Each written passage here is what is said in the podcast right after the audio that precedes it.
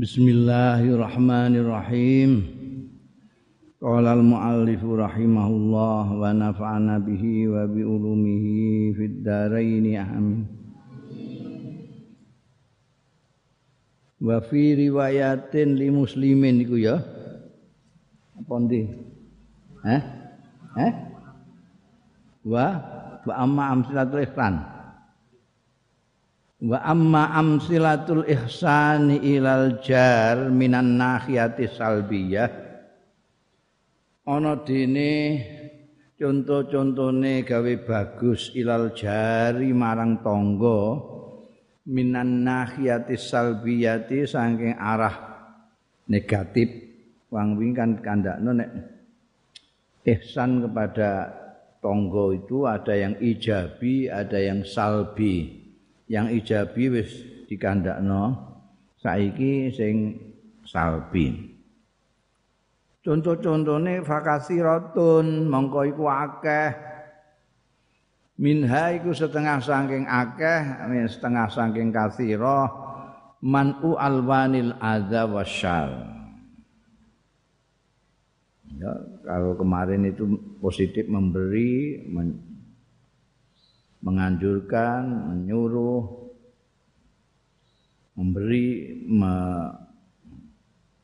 apa namanya sekarang ini bangsa yang manu alwanil azam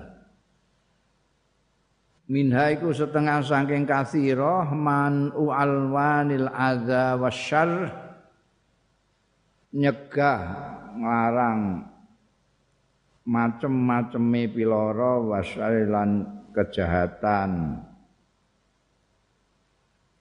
Jangan sampai menyakiti tonggo menjahati tonggo. Wal fasad wal fasad lan gawe kerusakan wal ifsad lan ngrusak. Sabata fil hadis wis tetep ing dalam hadis al muttafaq alaih an Abi Hurairah ta saing sahabat Abi Hurairah radhiyallahu anhu apa annan nabiyya setuhune Kanjeng Nabi sallallahu alaihi wasallam kala ngendika sapa Kanjeng Nabi wallahi la yu'minu wallahi la yu'minu demi Allah la yu'minu ora iman tenan. Wala wallahi dibaleni wallahi la yu'minu. Ora sempurna imane. Kok ngono terus saya gak ditutupno wallahi ora sempurna imane ora sempurna imane. Kila terus diaturno man ya Rasulullah sinten kok? Sing mboten sempurna imane niku sinten jenengan kok ngendika kok mboten sempurna imane ora sempurna imane tok men. Kala dawuh sapa Kanjeng Rasul sallallahu alaihi wasallam allazi la ya'manu jaruhu bawa ikahu yaiku wong ora sempurna imane wong sing ora aman apa jaruhu tanggane ora aman bawa ikau ing kejahatane ai huwa ilahu tegese yo sesate racute wasuru rahulan keelekan keelekane wa asamahulan dosa-dosane ana wong Islam tapi embek tanggane kok nakali jahati segala macam itu berarti wong itu Islame ora sempurna. Wa fi riwayatin li muslimin lan iku kesebut ana ing riwayat li muslimin kedua Imam Muslim utawi dawuh Kanjeng Rasul sallallahu alaihi wasallam iki layat khulul jannata ora mlebu swarga. Layat khulu ora mlebu al jannata ing swarga. Sapa man wong? Layak man jaruh. Layak manu sing ora aman apa jaruh tanggane man. Bahwa ikau ing kejahatane man. Ya medeni wong enak. Mbek tangga kok jahat. Iku iso-iso ora mlebu swarga. Naudzubillah min dzalik. Fahadha mongkau utawi iki ku ya dulu nuduhake ya hadza ala annal idrar ing atase setuhune. Gawe melarat membahayakan merugikan bil jari kelawan tangga iku yastaujibu iku marakake azaban nari ing siksa neraka. Ora iso ning gone swarga ya ning neraka iku.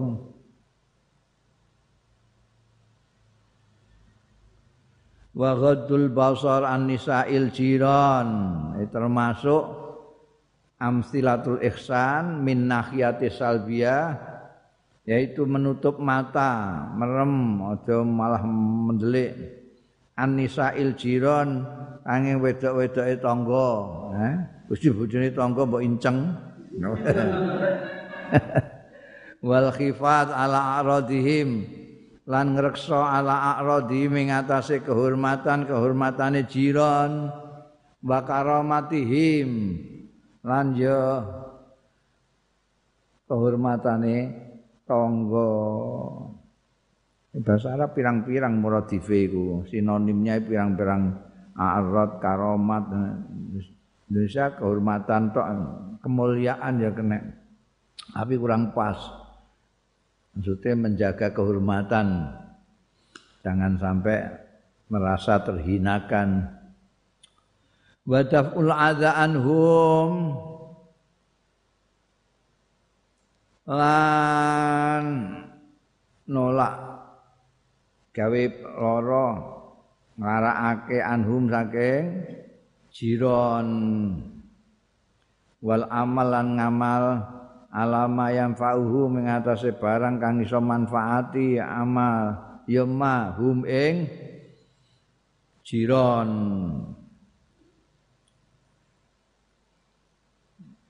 Atau diwaca wal amal digasekna mubtada wal amalu alama yanfa'uhum min usulil akhlak ngono Nah, koma kabeh gak ana titik koma apa titik ngono. Ngerti sapa? wal amalu ta ngamal berbuat alama ing atase barang yang fauhum sing manfaati ya ma ing jiron iku min usulil akhlakil arabiyatil islamiyah termasuk pokok-pokoke pekerti-pekerti Arabia lan Islamiyah. Ngatumati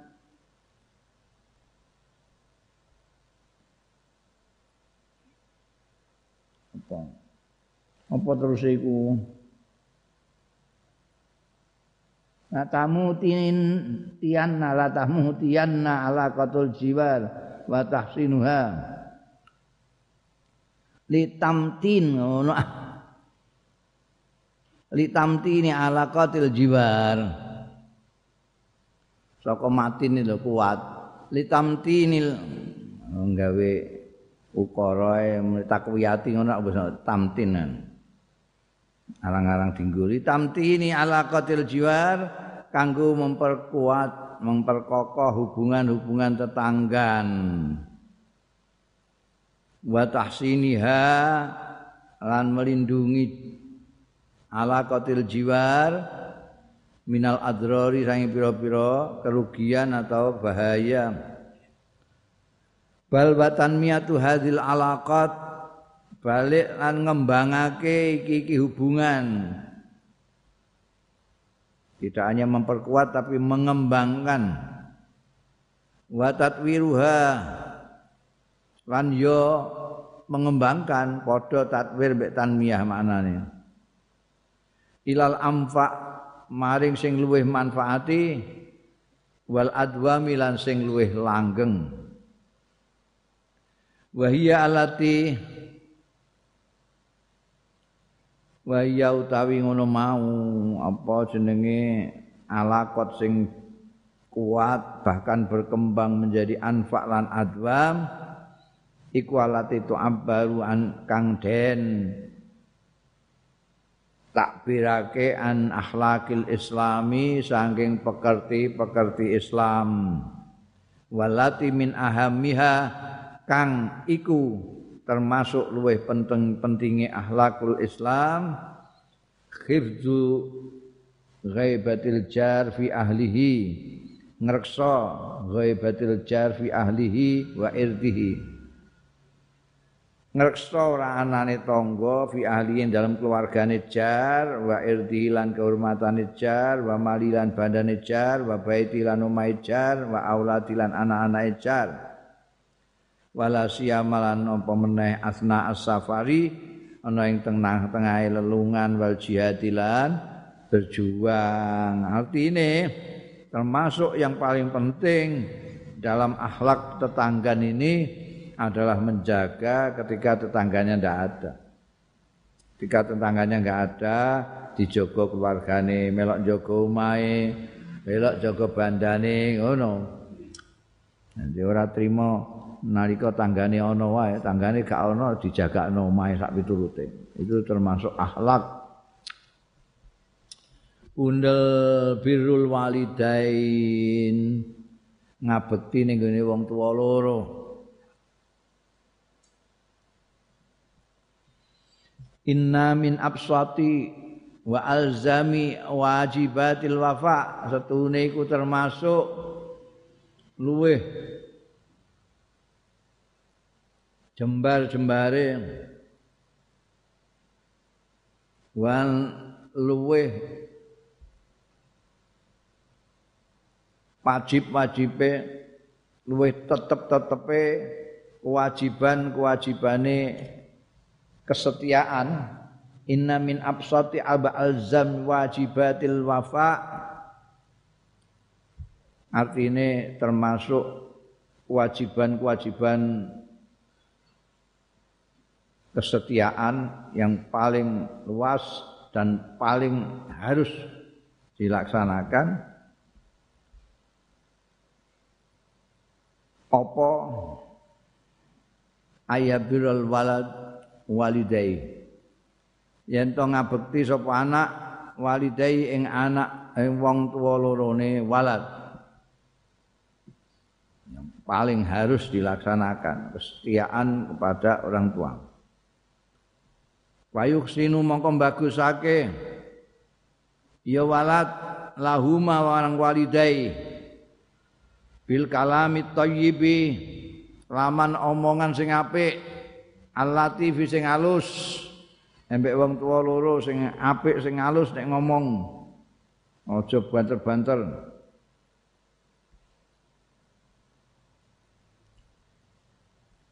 Aya birrul wa yuhsina lahum bil kalam wa yabusya fi wajhihi, eh? Lan supaya sumeh sapa walat fi wajhihima ing dalem raine walidai ning bapak ibu enggak boleh brengut senajan lagi enggak seneng lagi susah lagi mangkel mbek kancane begitu ketemu wong tua kudu sumeh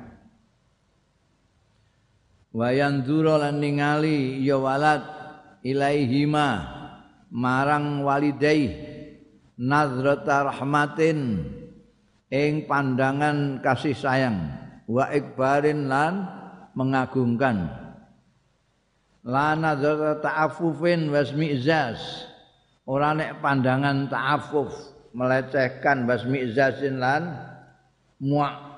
Ngingeti wong tuane potongane kaya jijik ngono oh. gak oleh iku dosa gede harus melihat itu dengan kasih sayang dan menghormati.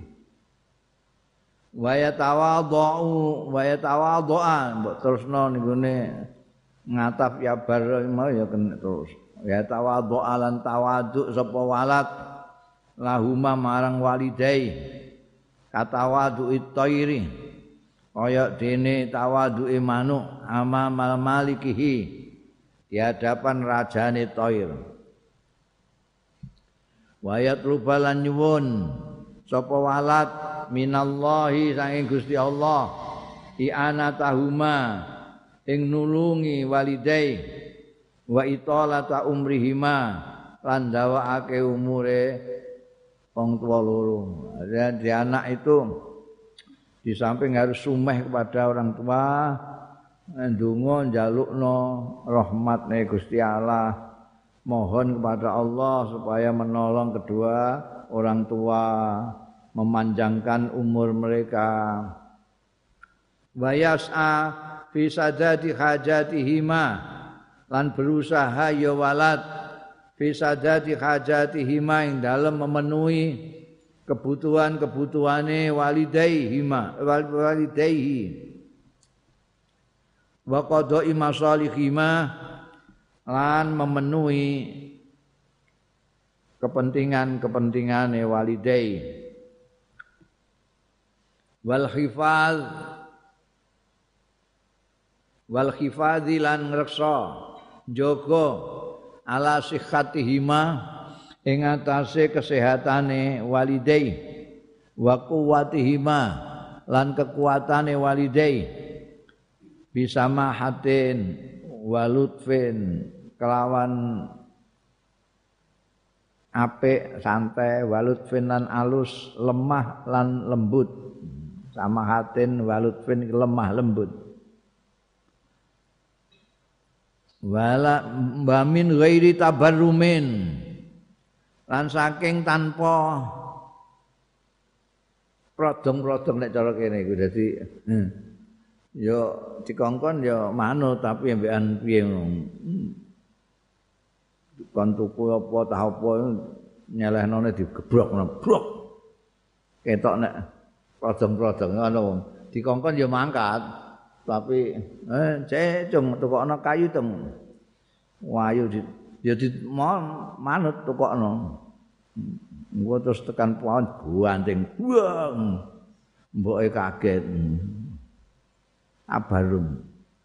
Jadi raine barang ku poreme ku porem ora enak tabarum prodong-prodong cara kene. Kaya wong kebet ngising ngono. Wala tazammurin. An ora tazammur gremeng-gremeng apa? Greneng-greneng sing gak ngenakno sing mangkel greneng-grenenge wong mangkel.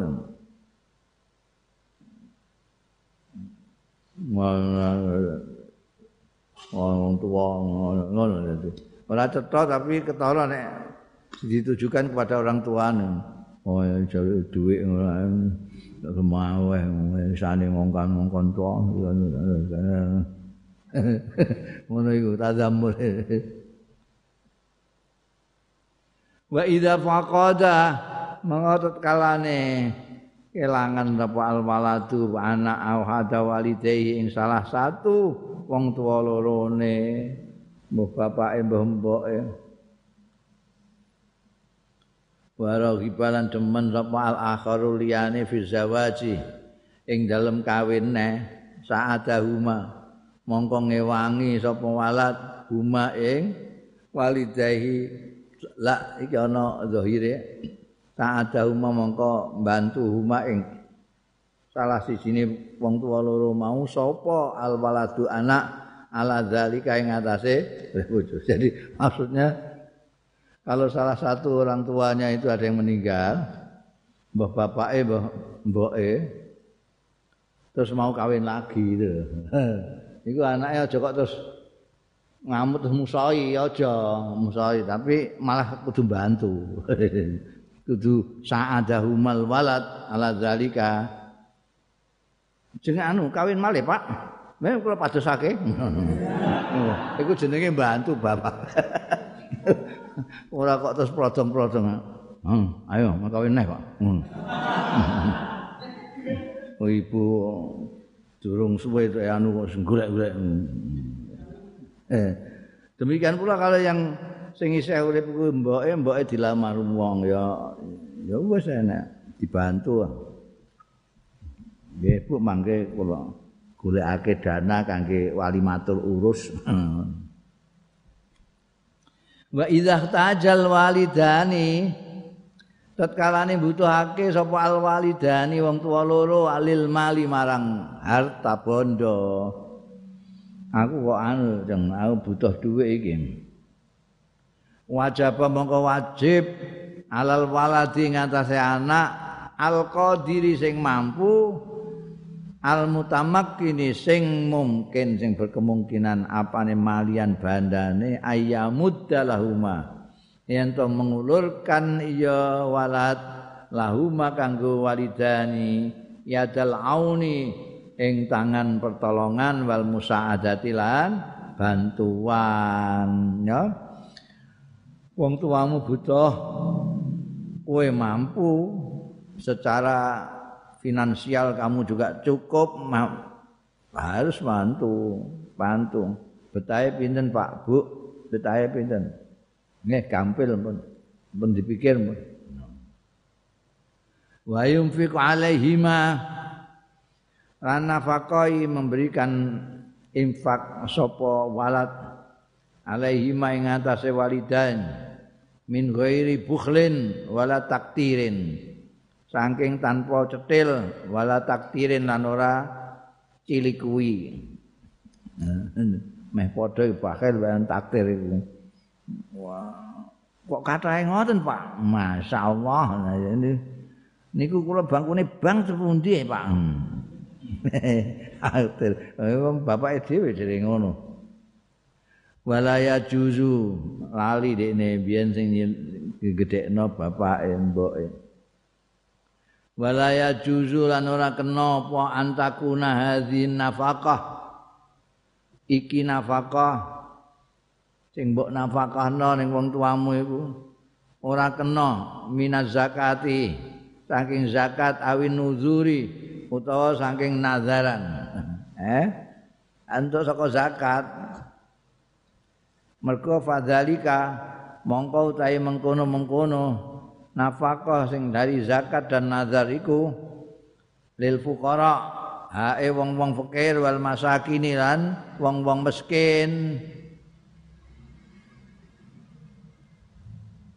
Sedangkan wa muqtada ikramil abawain.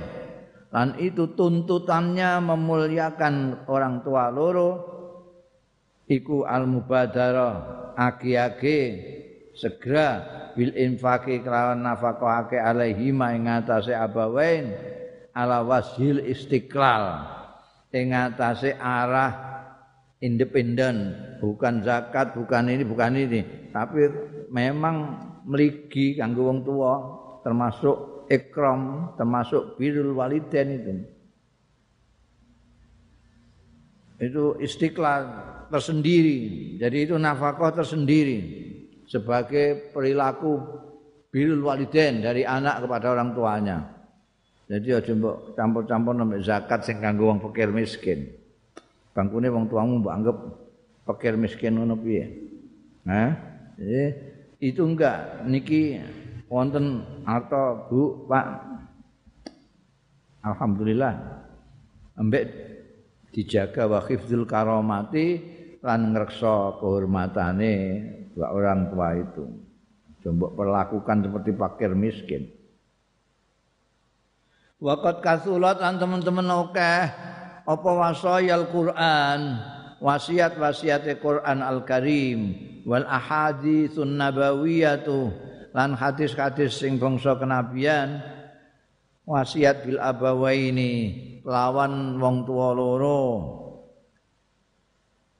ilaihima dua-duane abawain in wujida lamun ditemu yo abawain au bi ahadima utawa kelawan salah siji ne abawain in baqiya munfaridan lamun keri yo ahaduhuma munfaridan dhewean.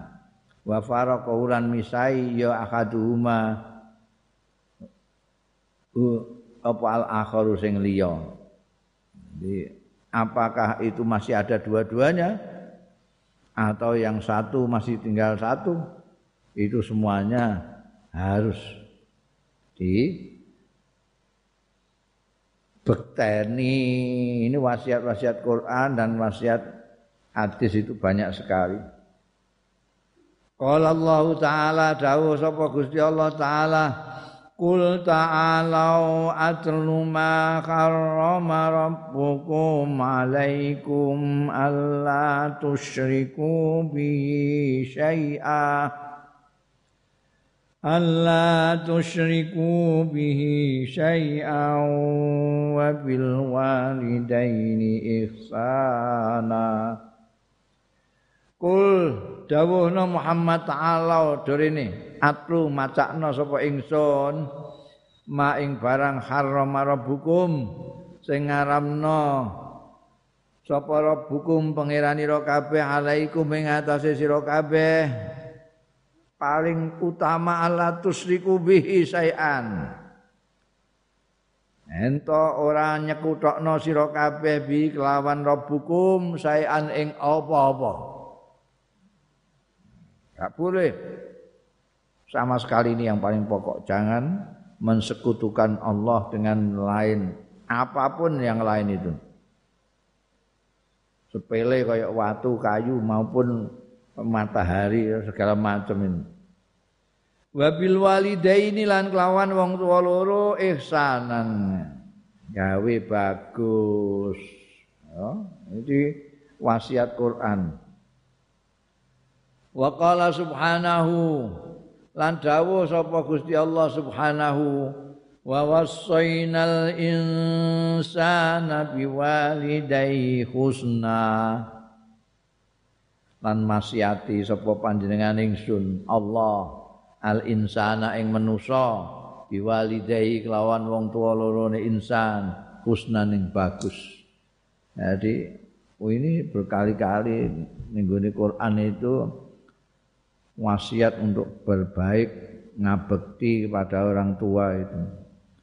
Wa qala azza wa jal lan sapa Gusti Allah azza wa jalla wa qadha rabbuka alla ta'budu illa iyyahu wa bil walidaini ihsana وبالوالدين إحسانا.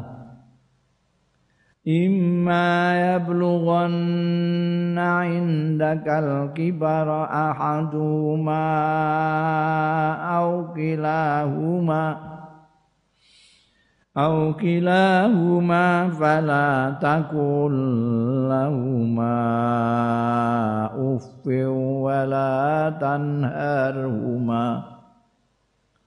Wa kullahuma qaulan karima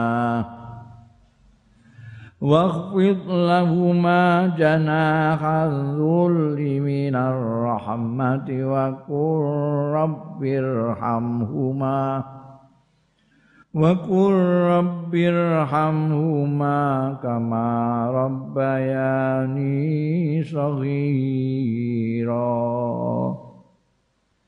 wa qadha.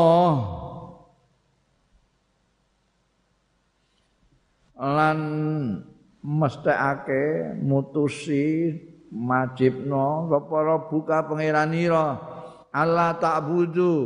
Ing yen to ora nyembah sira kabeh illa iyahu kejaba namung ing Allah dhewe ing rabbuka ini satu digandengno mbekan larangan syirik. Gandengno karo kewajiban tauhidullah. Aja nyembah sira kabeh illa iyahu kejaba ing iya Allah dhewe. Terus wabil walidaini. Lan kelawan wong tua loro ihsanan gawe bagus. Ya. Perhatikan itu dari kodoro buka itu pertama dosa yang paling gede itu sirik. Jangan menyembah selain Allah. Terus langsung babil walidain.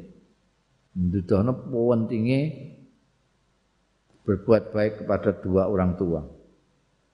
Imma yablughanna indakal kibar. Nah, imma aikane sampai menan indaka. Ana sanding ira alkibara ing sepuh. Sapa? Akhadu masalah sijine walidain. Au kilahuma utawa karo-karone padha sepuhe. Pala takul mongko aja ngucap sira lahuma marang walidain. Uffin. Pen niku hus apa pokoke nyentak lah uff itu nyentak. Jadi jangan sampai wong tua mbok sentak. Wepeh wis saiki wis tua wis gedhe wong tuamu ya wis tuwi wong kowe wis tua. Kowe wis duwe pangkat misale utawa wis digelar rumangsa kowe wis dadi orang yang mapan wong tuamu terus mbok rendahno geneman mbok getak barang Ya Pak, rasa melak-melak Pak. Oh, ibu ibu. Oh, mbek wong tuane ngono. Mentang-mentang ngono ya. Nah iki biasane sing ngono iku nek sing anake wis dadi pangkat, anake wis dadi wong gedhe, barang ngono iku ndelok wong termasuk wong tuane barang dianggap anak buah kabeh. Lali mbiyen cilikane piye, umbele meler sing ngelapi ya mboke. Eh, lali blas. Meletene ra karuan. Walatan harhuma lan aja getak sira huma ing walidaini.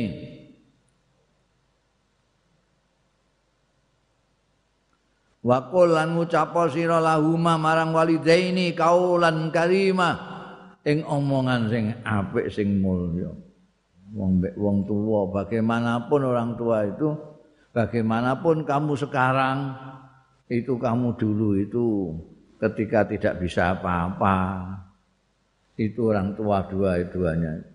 Kedua orang tua itu yang bikin kamu iso turu iso mlaku ngajari kowe mlaku ngajari kowe geneman bareng saiki kowe iso mlayu iso gen pidato wong tuwa mbok getak-getak lali eh, asal jenenge. Wahfid lan ngrendahno sira ngasorno sira lahuma kanggo walidain.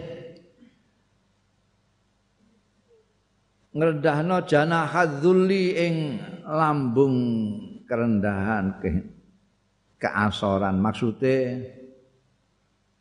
janah iku asale suwiwi jadi sing merendah gitu loh dengan orang tua itu merendah. Apa pun jabatannya sekarang anaknya orang tua itu harus dihargai. Wakfit jangan harus tawaduk kepada orang tua. Ngasor ke awake ngunggul ke wong tuane wakfit lahuma jana hazuli minar rahmati saking welas ase. Wakul landunga sira rabbil hamhuma. Duh pangeran kula irhamhuma mugi ngrahmati panjenengan ing bapak mbok kula. Kamarabbayani kados anggenipun ngitik-ngitik bapak mbok kula ni ing kula sahira nalika kula sehalit ono. Rabbi firli warham Rabbi firli warhamhuma. Iku kama rabbayani zaghira iku ben nek mbok nggo donga terus kowe kelingan zaman cilikamu terus wong ana wong anak wani wong tuwa nyentak wong tuwa. Itu mesti lali cilikane mesti lilikane lah ane dibiasakno ndonga rabbirhamhuma kama rabbayani saghira. Wafirli wali wadaliya Rabbi firli wali walidayya Warhamhuma Kama rabbayani sohiro Diwoco terus Ngerban sholat Di samping mempancen Dungakna wong tua Juga kanggo ngiling-ngiling Biyen cilik ane iku ditik-itik dididik karo wong tuwa loro. Wa qala ta'ala wa wasainal insana biwalidayhi hamalathu ummuhu wahnan ala wahn حملته أمه وهنا على وهن وفصاله في عامين وفصاله في عامين يعني اشكر لي ولوالديك ووصينا lan maksiati sapa panjenengan ingsun al insana ing manusa biwalidai kelawan wong tuwa lorone insan Piye kok gak apik karo wong tuwa iku? Hamalat ummuhu terutama mbok. Hamalat ummuhu ngandut ing insan sapa ummuhu mboke. Wahnan awan apes lemah payah. Ala wahne ning atase payah. Wa fisaluhu utai pisai insan iku nyapa iku padahal fi amain setelah dua tahun. Ing dalam rong tahun. Diwasiati apa manusa? Dening Gusti Allah aniskur tegese uskurli wali walidai syukura sira limarang panjenengan ingsun Allah wali walidai kalan kedua orang tua ira perhatikan itu digandengkan semua sampai Gusti Allah terus gandeng. Betapa pentingnya baik dengan orang tua itu sampai dalam maksiat Allah itu gandeng. Anis kurli wali walidai. Syukur kepada ku Allah wali walidaika dan kedua orang tua Dua orang tua itu terutama ibu. Gue aja ngantek wani-wani nglarakno atine mbok. Bahaya. Mergo mbok itu paling payah wahan ala wahan. Paling payah. Ngandut itu payah sekali. Bayangkan aja wong lanang enggak ono sing kuat. Kamu tidak akan kuat. Bawa beras misalnya 12 kilo aja lah. Jangan kakek, kakean 12 kilo. 10 kilo mana ya. Kowe nggawa wong lanang nggawa beras 10 kilo. Tapi gak entuk mbok dono, cekel terus. Turu ya gawa, numpak ya mbok gawa, mlaku ya mbok gawa. Eh?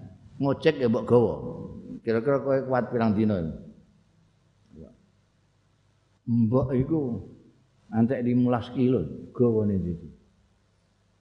Turu digawa, mlaku-mlaku digawa, numpak ojek digawa. Sing digawa sapa kowe? Gawa ora mendeh-mendeh. Kadang-kadang mantek sing kuat di ngono kae, punjul 15 kilo iku. Wah, berarti ra karon. Sing lanang pada waktu itu terus ngeluyur mbah ning ngene langgar mbah ning masjid pokoke. Malah gak nunggoni bojone. Padahal pada waktu ngono iku bojo iku paling paling mengharapkan sing lanang. Sing lanang itu malah sebel ndelok bojone kok wetenge dadi mlenti ngono. Dadi ngawure sing lanang ning kono kuwi. Separang sing makna mlenti ku ndekne padahal. yang menyebabkan kan dia. Ya kok bareng wis terus ditinggal lunga ning gak diupeni blas. Malbu omah wayahe mangan tok. Mangan minggat neh. Engko wayahe nglarani paling yang ngeterno ning puskesmas apa ning ngene bidan bariku ning ngrokok ning jaba ba sebul sebal mek rona rene rona rene bidane metu tak pun dereng ngrokok neh sing wedok berjuang habis-habisan. Habis-habisan itu seperti orang anu hidup mati. Wah, tahu roh. Aku bolak-balik roh. Wah, luar biasa. itu engko nek wis lahir cenger oh, sing lanang lagian gimana bagaimana bu? Sudah sudah. Lagi apa perempuan? Wah terus gembor-gembor wah aku lanang anakku lanang. Gembor-gembor tapi gak mau gendong-gendong dia. Nunggu sudah dibersihkan wis digedong barang lagi wah tak azanane tak azanane. Oh diazani wis gendong dudono kanca-kancane uh anakku ganteng lanang. Gendang gendang begitu pipis Lebih nembok nek nah anakmu. nek resik anakku nek nek pipis anakmu. Wong wedok wis dienggo kalan. Engko nek tengah wengi itu bocah iku nguyah ya nangis, ngising ya nangis, lesu ya nangis, pokoknya nangis terus. Namanya isane lagi nangis. Senajan gedene iso pidato bareng. Cilik cilikane isane mau nangis tok. Nangis. Iku bapake ngorok gak ngerah jawane. Mbok sing mulai ya Allah.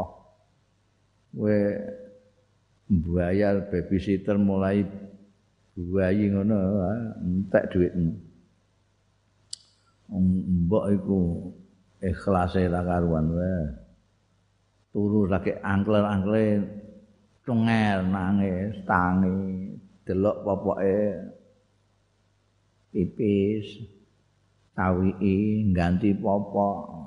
Turu nes delok tengel lesu njaluk nyusu. Iku arang-arang turu wong wedok duyan mulane malati banget. Dan iku wis terbukti masyhur pokoke janji ana wong bocah wong kok wani karo mbok meroi ngono. Uripe kesingsal-singsal itu durung ning akhirat. Perlu diingat itu. Ya. harus bersyukur kepada Allah bersyukur kepada orang tua yang sudah membesarkan ndadekno kowe iso macam-macam itu dimulai dari orang tua dua utama mbok. Wa qala azzat asma'uhu lan dawuh sapa Gusti Allah yang maha luhur apa asma'uhu asma-asmane wa wasainal insana biwalidayhi ihsana. Hamalathu ummuhu kurha wa wada'athu kurha. وحمله وفصاله ثلاثون شهرا. حتى إذا بلغ أشده وبلغ أربعين سنة قال قال ربي أوزعني أن أشكر نعمتك التي أنعمت عليّ التي أنعمت علي وعلى والدي وأن أعمل صالحا ترضاه.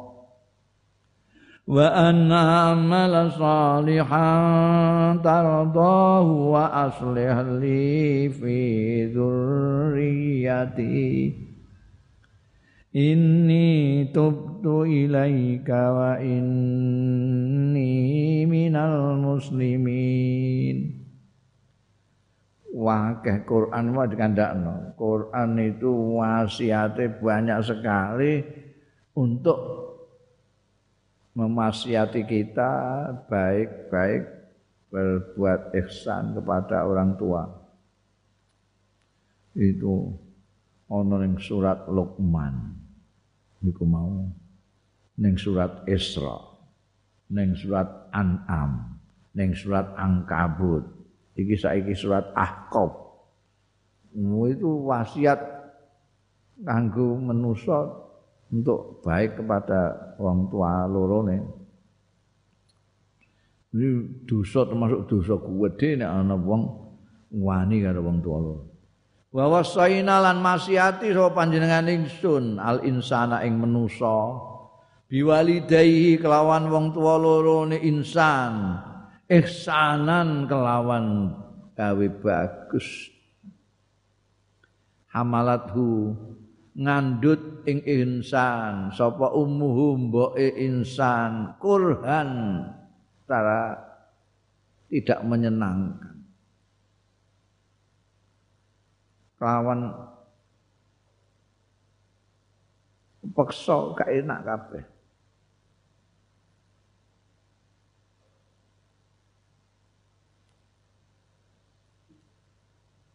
Wa wada'u payah wa wada'athu lan nglahirno ya umuhu ing insan kurhan juga dengan berat dengan payah.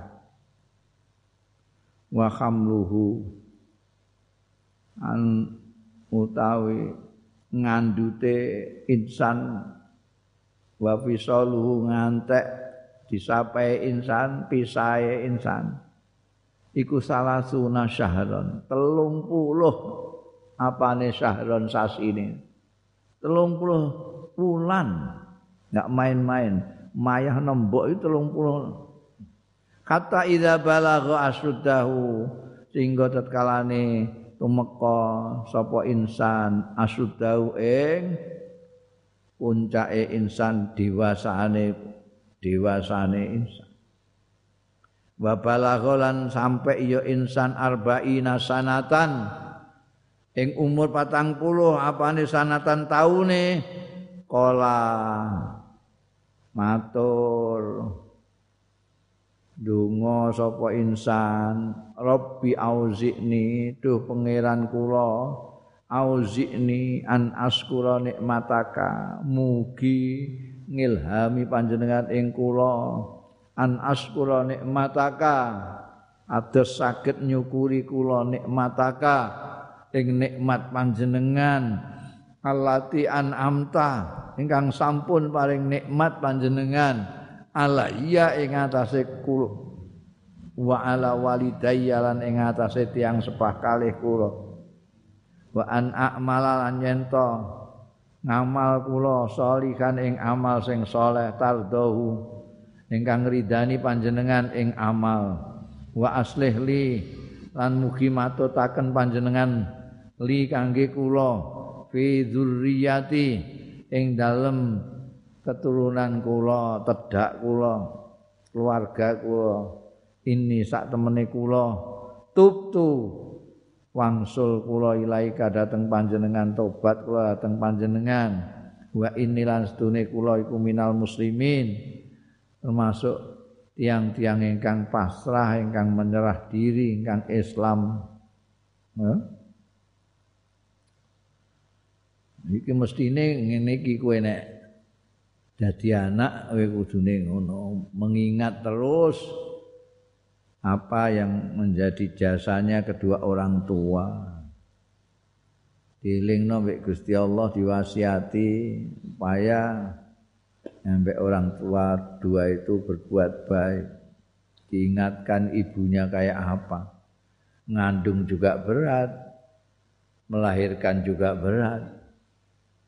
Mengandung dan babarke itu 30 bulan. Itu masih belum nanti itu ngerumati ngantek gede. Ini kue gede terus sadar tentang jasanya wong tua loro terus kue ndonga kaya diparingi Gusti Allah iso nyukuri nikmat paringane Gusti Allah. Kowe diparingi wong tua sing sayang karo awakmu. Eh? Digedhekno wong tua ngantek kowe gedhe.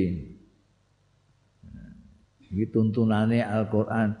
Kowe nek ndonga karo Gusti Allah iku diparingi ilham supaya iso nyukuri nikmat. Mereka ada orang yang mendapat nikmat berlimpah-limpah dari Allah Ta'ala tidak bersyukur sama sekali karena tidak diilhami oleh Allah. Jadi syukur itu sendiri memerlukan syukur. Karena apa? Karena yang menjadikan kita itu bisa bersyukur itu mergo diparingi Gusti Allah ilham untuk bersyukur. Jadi syukur itu sendiri perlu syukur. Banyak sekali soalnya mendapat kenikmatan yang sama tapi yang satu bersyukur luar biasa kepada Allah, yang satu sama sekali. Karena yang sama sekali tidak bersyukur ini tidak merasa dia itu mendapat nikmatnya Allah. Atau dengan kata lain tidak diilhami Tuhan untuk mengerti nikmatnya Allah sehingga bersyukur kepada Allah. Makanya penting dungo ini Allah ma auzi'ni rabbi auzi'ni an askura nikmataka allati an'amta alayya wa ala walidayya. Iki kudu mbok ngundungo supaya Ora usah ngenteni umur 40 lah. Ning kene kan nek kowe umur 40. Biasanya orang 40 itu orang sudah mapan.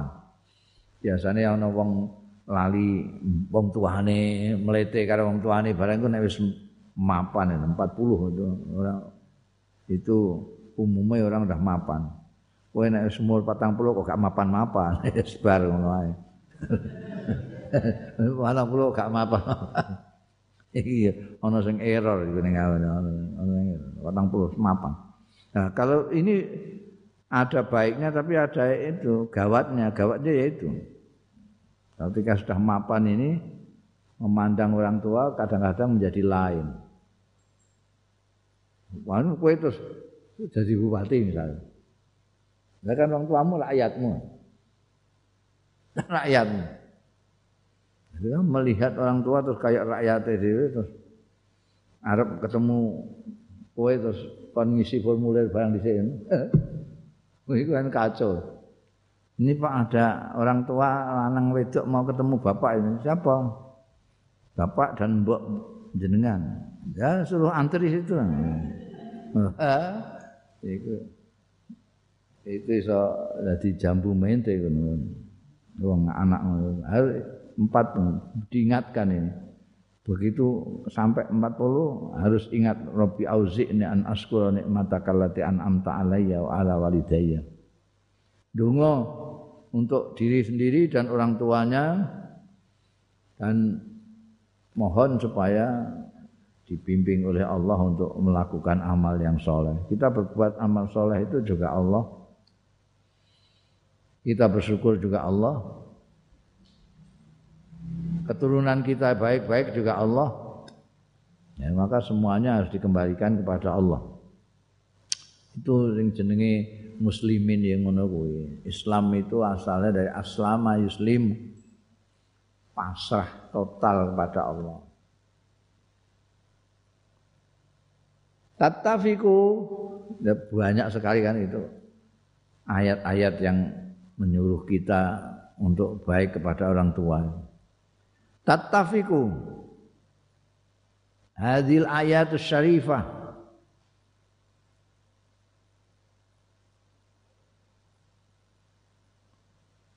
Sesuai apa hadil ayat iki iki ayat asyarifatu sing mulya-mulya iki. Ala wajibil ihsan. Ing atase kewajibane gawe bagus ilal walidaini marang wong tua loro. Wa tahrimi uquqihima lan harame ndurakani walidain. Wal islam wal ilzam lan netepi bibirihima kelawan ngabekti walidain. Wa musayaratihima lan mengikuti walidain. Jadi nek didhawuhi ngene ya melok ngene nek kan ngene ibadah ya ibadah. Ngikuti wa tarki ighdabihima. Lan ninggalake ndadekno du dukone. Ndadekno dukane wong tua loro. Menjadikan orang tua itu marah. Jangan sampai membikin marah kedua orang tuanya. Harus tarku ighdabihima. Wa idzaihima lan nglarakno wong tua loro. Nglarakno itu biasanya kalau iza itu nglarakno dalam pengertian menyakiti hati ya. tapi aslinya umum menyakiti fisik juga iza menyakiti apa namanya hati juga iza tapi kebanyakan itu digunakan untuk iza untuk sakit hati mbok omongi sing nyelekit iku wong tuwa lara atine ngono iki malah kadang-kadang sembuhnya lebih lama ketimbang menyakiti fisiknya. Ini ditambani salep ngono semari, tapi hati itu kalau sakit sulit sekali. Sakit sulit sekali, maka itu harus ditinggalkan. Tarki ighdabihima wa idzaihima. Wa tadyiq alaihima. Kan ngrupekake tajik ngrupekake alaihi ing atase wong iku mbok teror ngono mbok teror terus. Eh njaluk dhuwit medek-medekno nek ora terus omahe gendenge mbok sawati ngono itu tajik ah eh kae ora wis basa wong tuane. Ngancam-ngancam bang. Kenapa kok harus begitu? Li annahuma karena setune walidain? Kana ono ya walidain. Ono iku sabab wujudil walad dadi sebab eneke walad. Walahuma lan kedue walidain al fadlul kabir utawi keutamaan sing gedhe fi tarbiyatihi ing dalem didik walad. Wa ta'limihi lan mulang walad. Wa irsadihi lan nuntun walad. Meskipun nanti rada gede di serahno dipasrahno ning ngene sekolahan pondok tapi pertama kali yang didik kita itu ada orang tua belum dipasrahkan ke guru ke ustadz ke kiai. Wa irsadihi lan nuntun walad wal infaqi alaihi lan nafaqoi alaihi ing atase walad muddatan tawilatan ing dalem mangsa sing suwe minaz zamani saking waktu sama sekali hitung saja mulai procot lahir orang tua semua yang biayai. Kamu ndak udah apa-apa blas. Wong kowe lahir udah blejet yo. Nganggo katoke ora. Oh, dipopok, dikatok. Itu semua nafkah dari kedua orang tua semua. Mimbad il bahkan min il hamli. Saking sejak mulai hamil. Sudah mulai eh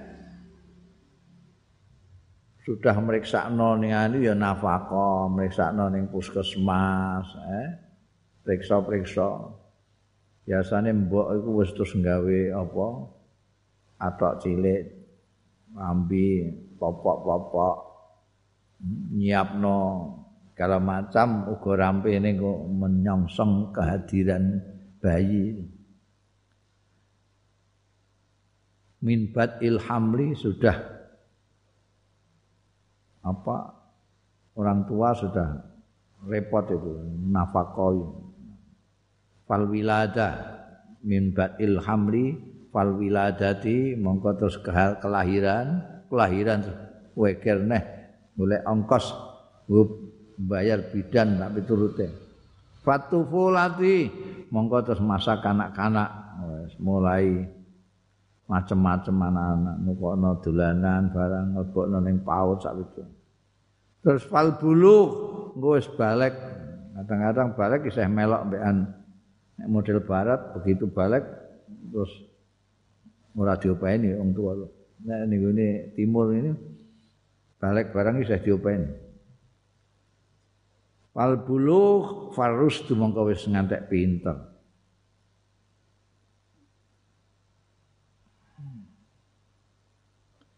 Wala najidu lan ora nemu kita. Targhiban ing gelemake fi amrin khuluqi ing dalem perkara sing bangsa pekerti fil Qur'ani dalam Qur'an Al-Karim. Ora nemu aksara ingkang luwih akeh minat targhibi saking gelemake bibiril walidaini ing dalem ngabekti wong tua loro wal amri bihi lan perintah bihi kelawan birrul walidain. Wa tahdhiri lan memperingatkan nan aja ngantek minal ukuki saking duraka. Allazi yati kang tumeka. Ya targhib daiman selawase ba'dal amri sakwise perintah bi ibadatillah kelawan nyembah Gusti Allah wa tahrimi syirki lan keharamane syirik.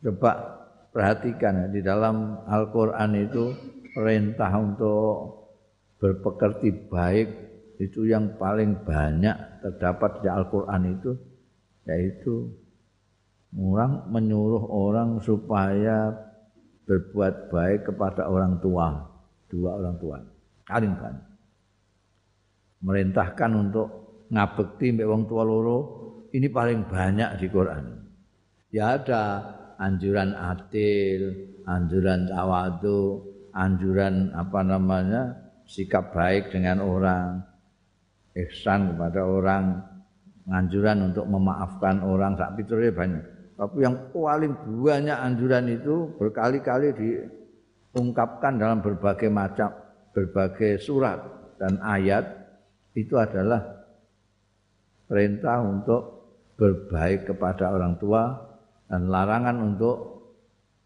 duraka kepada kedua orang tua.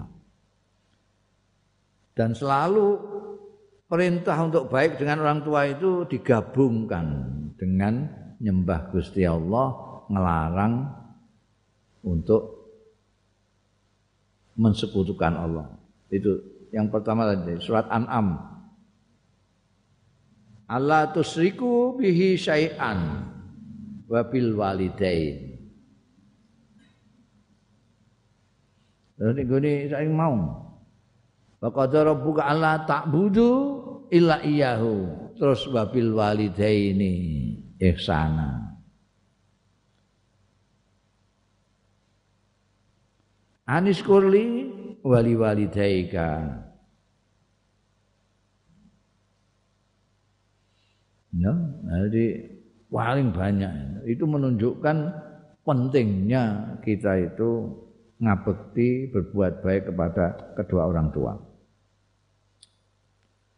Wa nazalatil wa tawalatil itu tadi Quran ya, Quran. Itu kita banyak membaca tentang wasiat Gusti Allah taala untuk kita uh, berbuat baik pada kedua orang tua.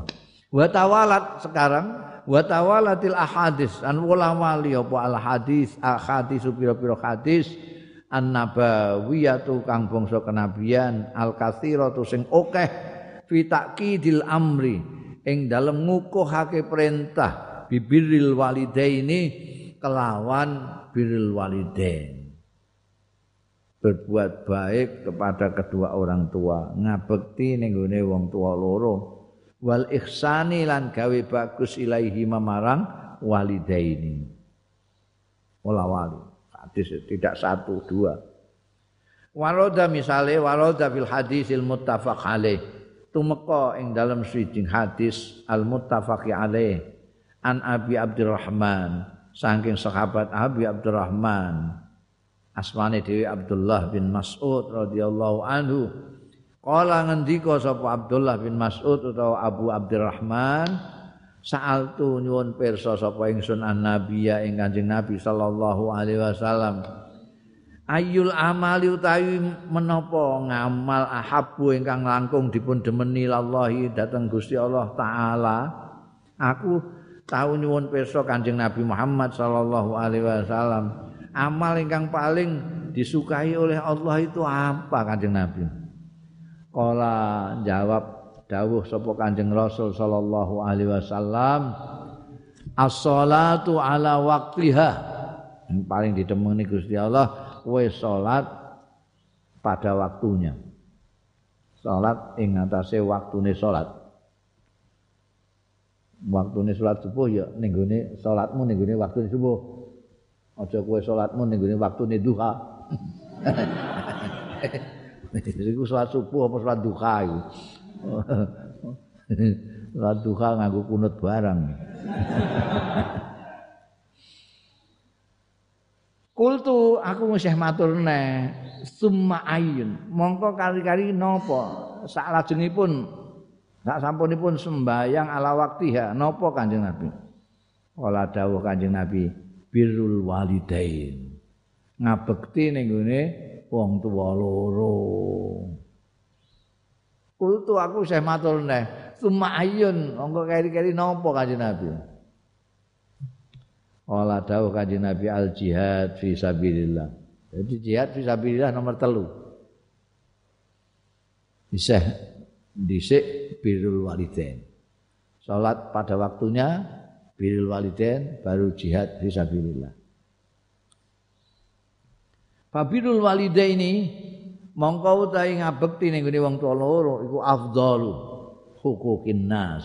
Luweh utama-utamane hak-haknya manusia.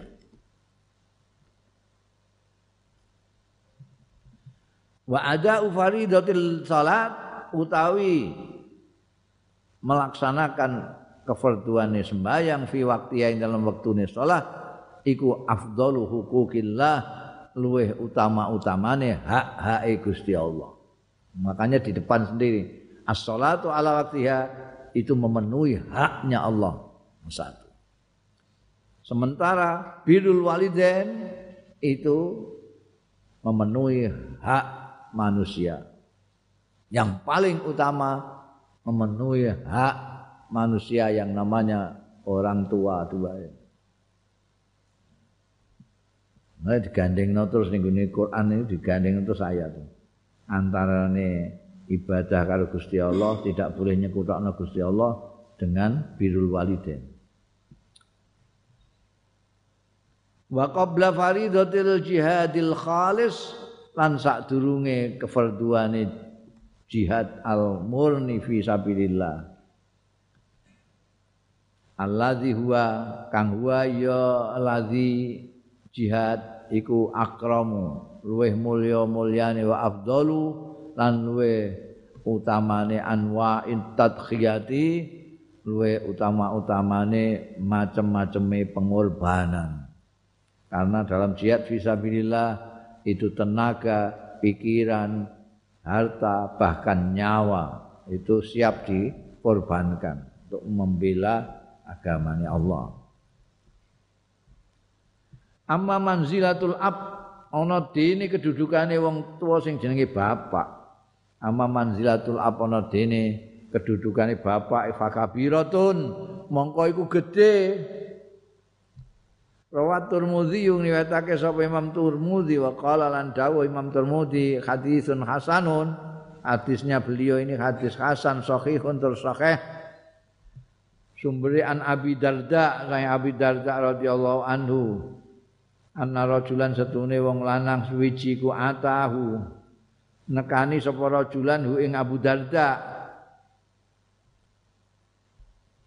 Faqala mengucap sapa rajulan innali imra'atan. Innali stune iku kedue ingsun imra'atan ana wong wedok.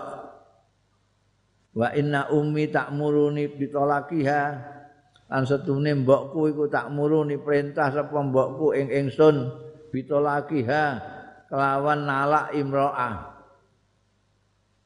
niki sepundi Mbah Abi Darda. Niki kula gadah bojo niku. Kula seneng kali kiambake tapi mbok kula kok ken megat. Pakola mongko jawab sapa Abu Darda.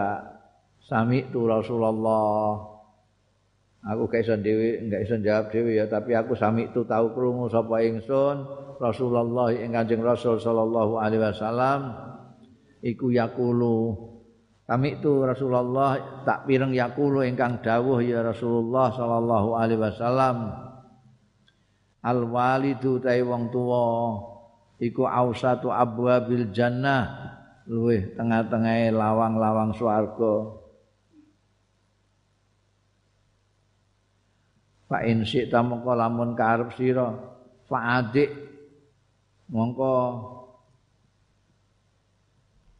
ngelehno sira zalikal bab ing iku mau lawang awuh fathu mbok copot apa piye? Au ihfadhu tawa ngreksa sira ing lawang. Jadi ora langsung bener nomboke ora tapi dikandakno ngomong tuwa itu tengah-tengah lawang swarga niku niku kowe apa kamu jaga apa tidak terserah kamu.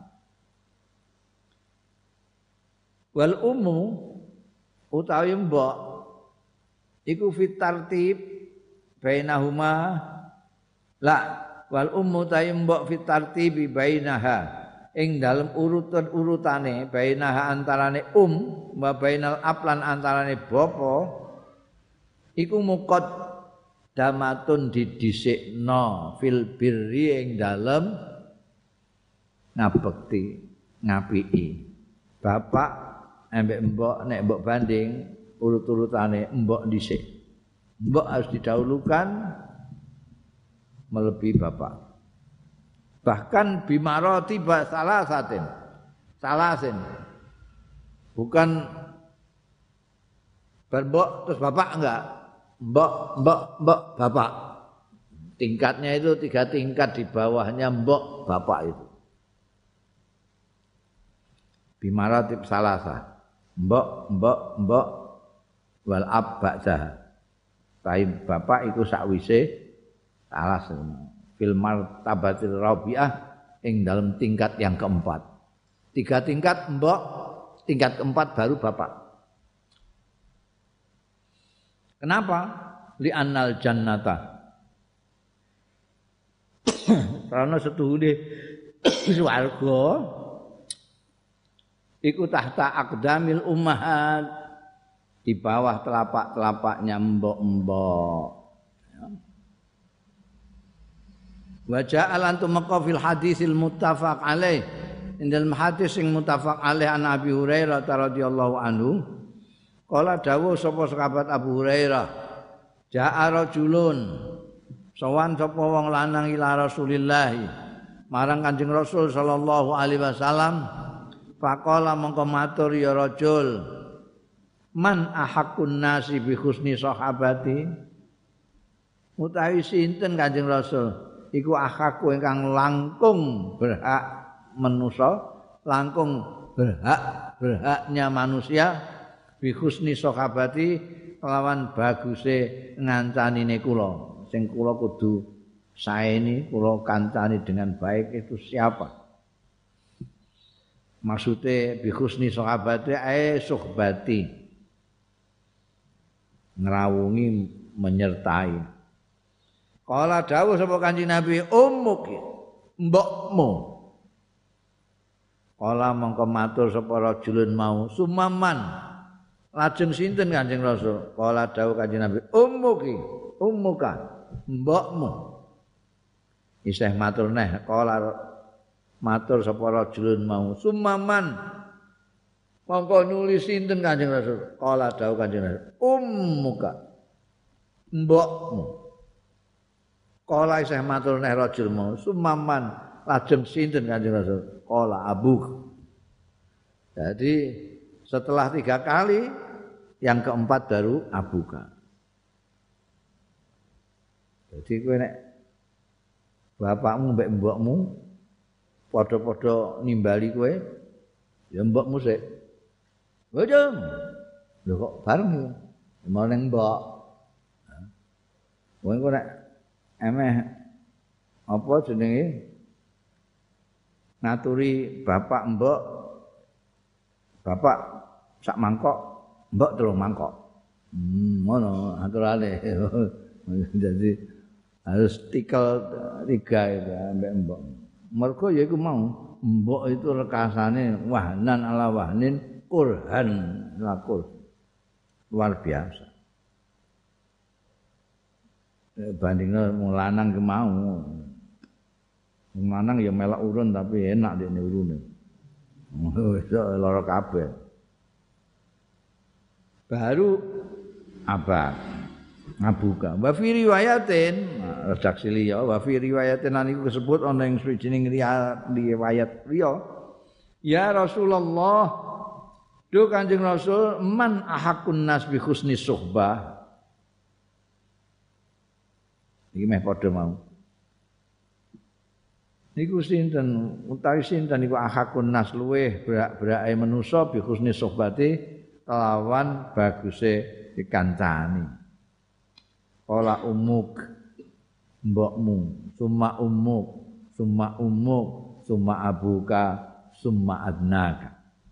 Mongko sing luweh tak ngisorira. Maksudnya itu sana. Jadi sing perlu dikancani, ditulungi, diapii segala macam itu mbok mbok mbok. Baru bapak setelah bapak baru ngisormu anakmu apa putumu segala macam itu. Jadi nomor satu mbok. Wa fi riwayatin aniku disebut ana ing riwayat liya summa abaka. Mansubun bi fi'lin mahdzufin Uga summa abuka. Nek mau kan qala abuka. Mergo ditakokno sumaman. Abuka. Tapi ana riwayat sing summa abaka. Mansubun bi fi'lin mahdzufin erope ngono. Dinasabno dengan fi'il sing dibuang. Takdiruhu summa birra abaka. Nek wis mbok mbok mbok mbok tiga kali derajat lalu birra abaka. Tumma birra. Mongko keri-keri ngabekti sira abaka ing bapak ira. Iku nek riwayat sing mansub iku nedirake birra abak pile dibuang. Warawa muslimun lan riwayatake sapa Imam Muslim an Abi Hurairah ta saing Abi Hurairah radhiyallahu anhu Kala dawuh sapa Abu Hurairah, kala Rasulullah ngendika sapa Rasulullah sallallahu alaihi wasallam. La yajzi waladun walidahu illa ayyajidahu mamlukan wa yastari fayataku. La yajzi ora iso mbales sapa waladun anak walidahu ing wong tuane walad illa ayyajidahu kejaba yen to nemu?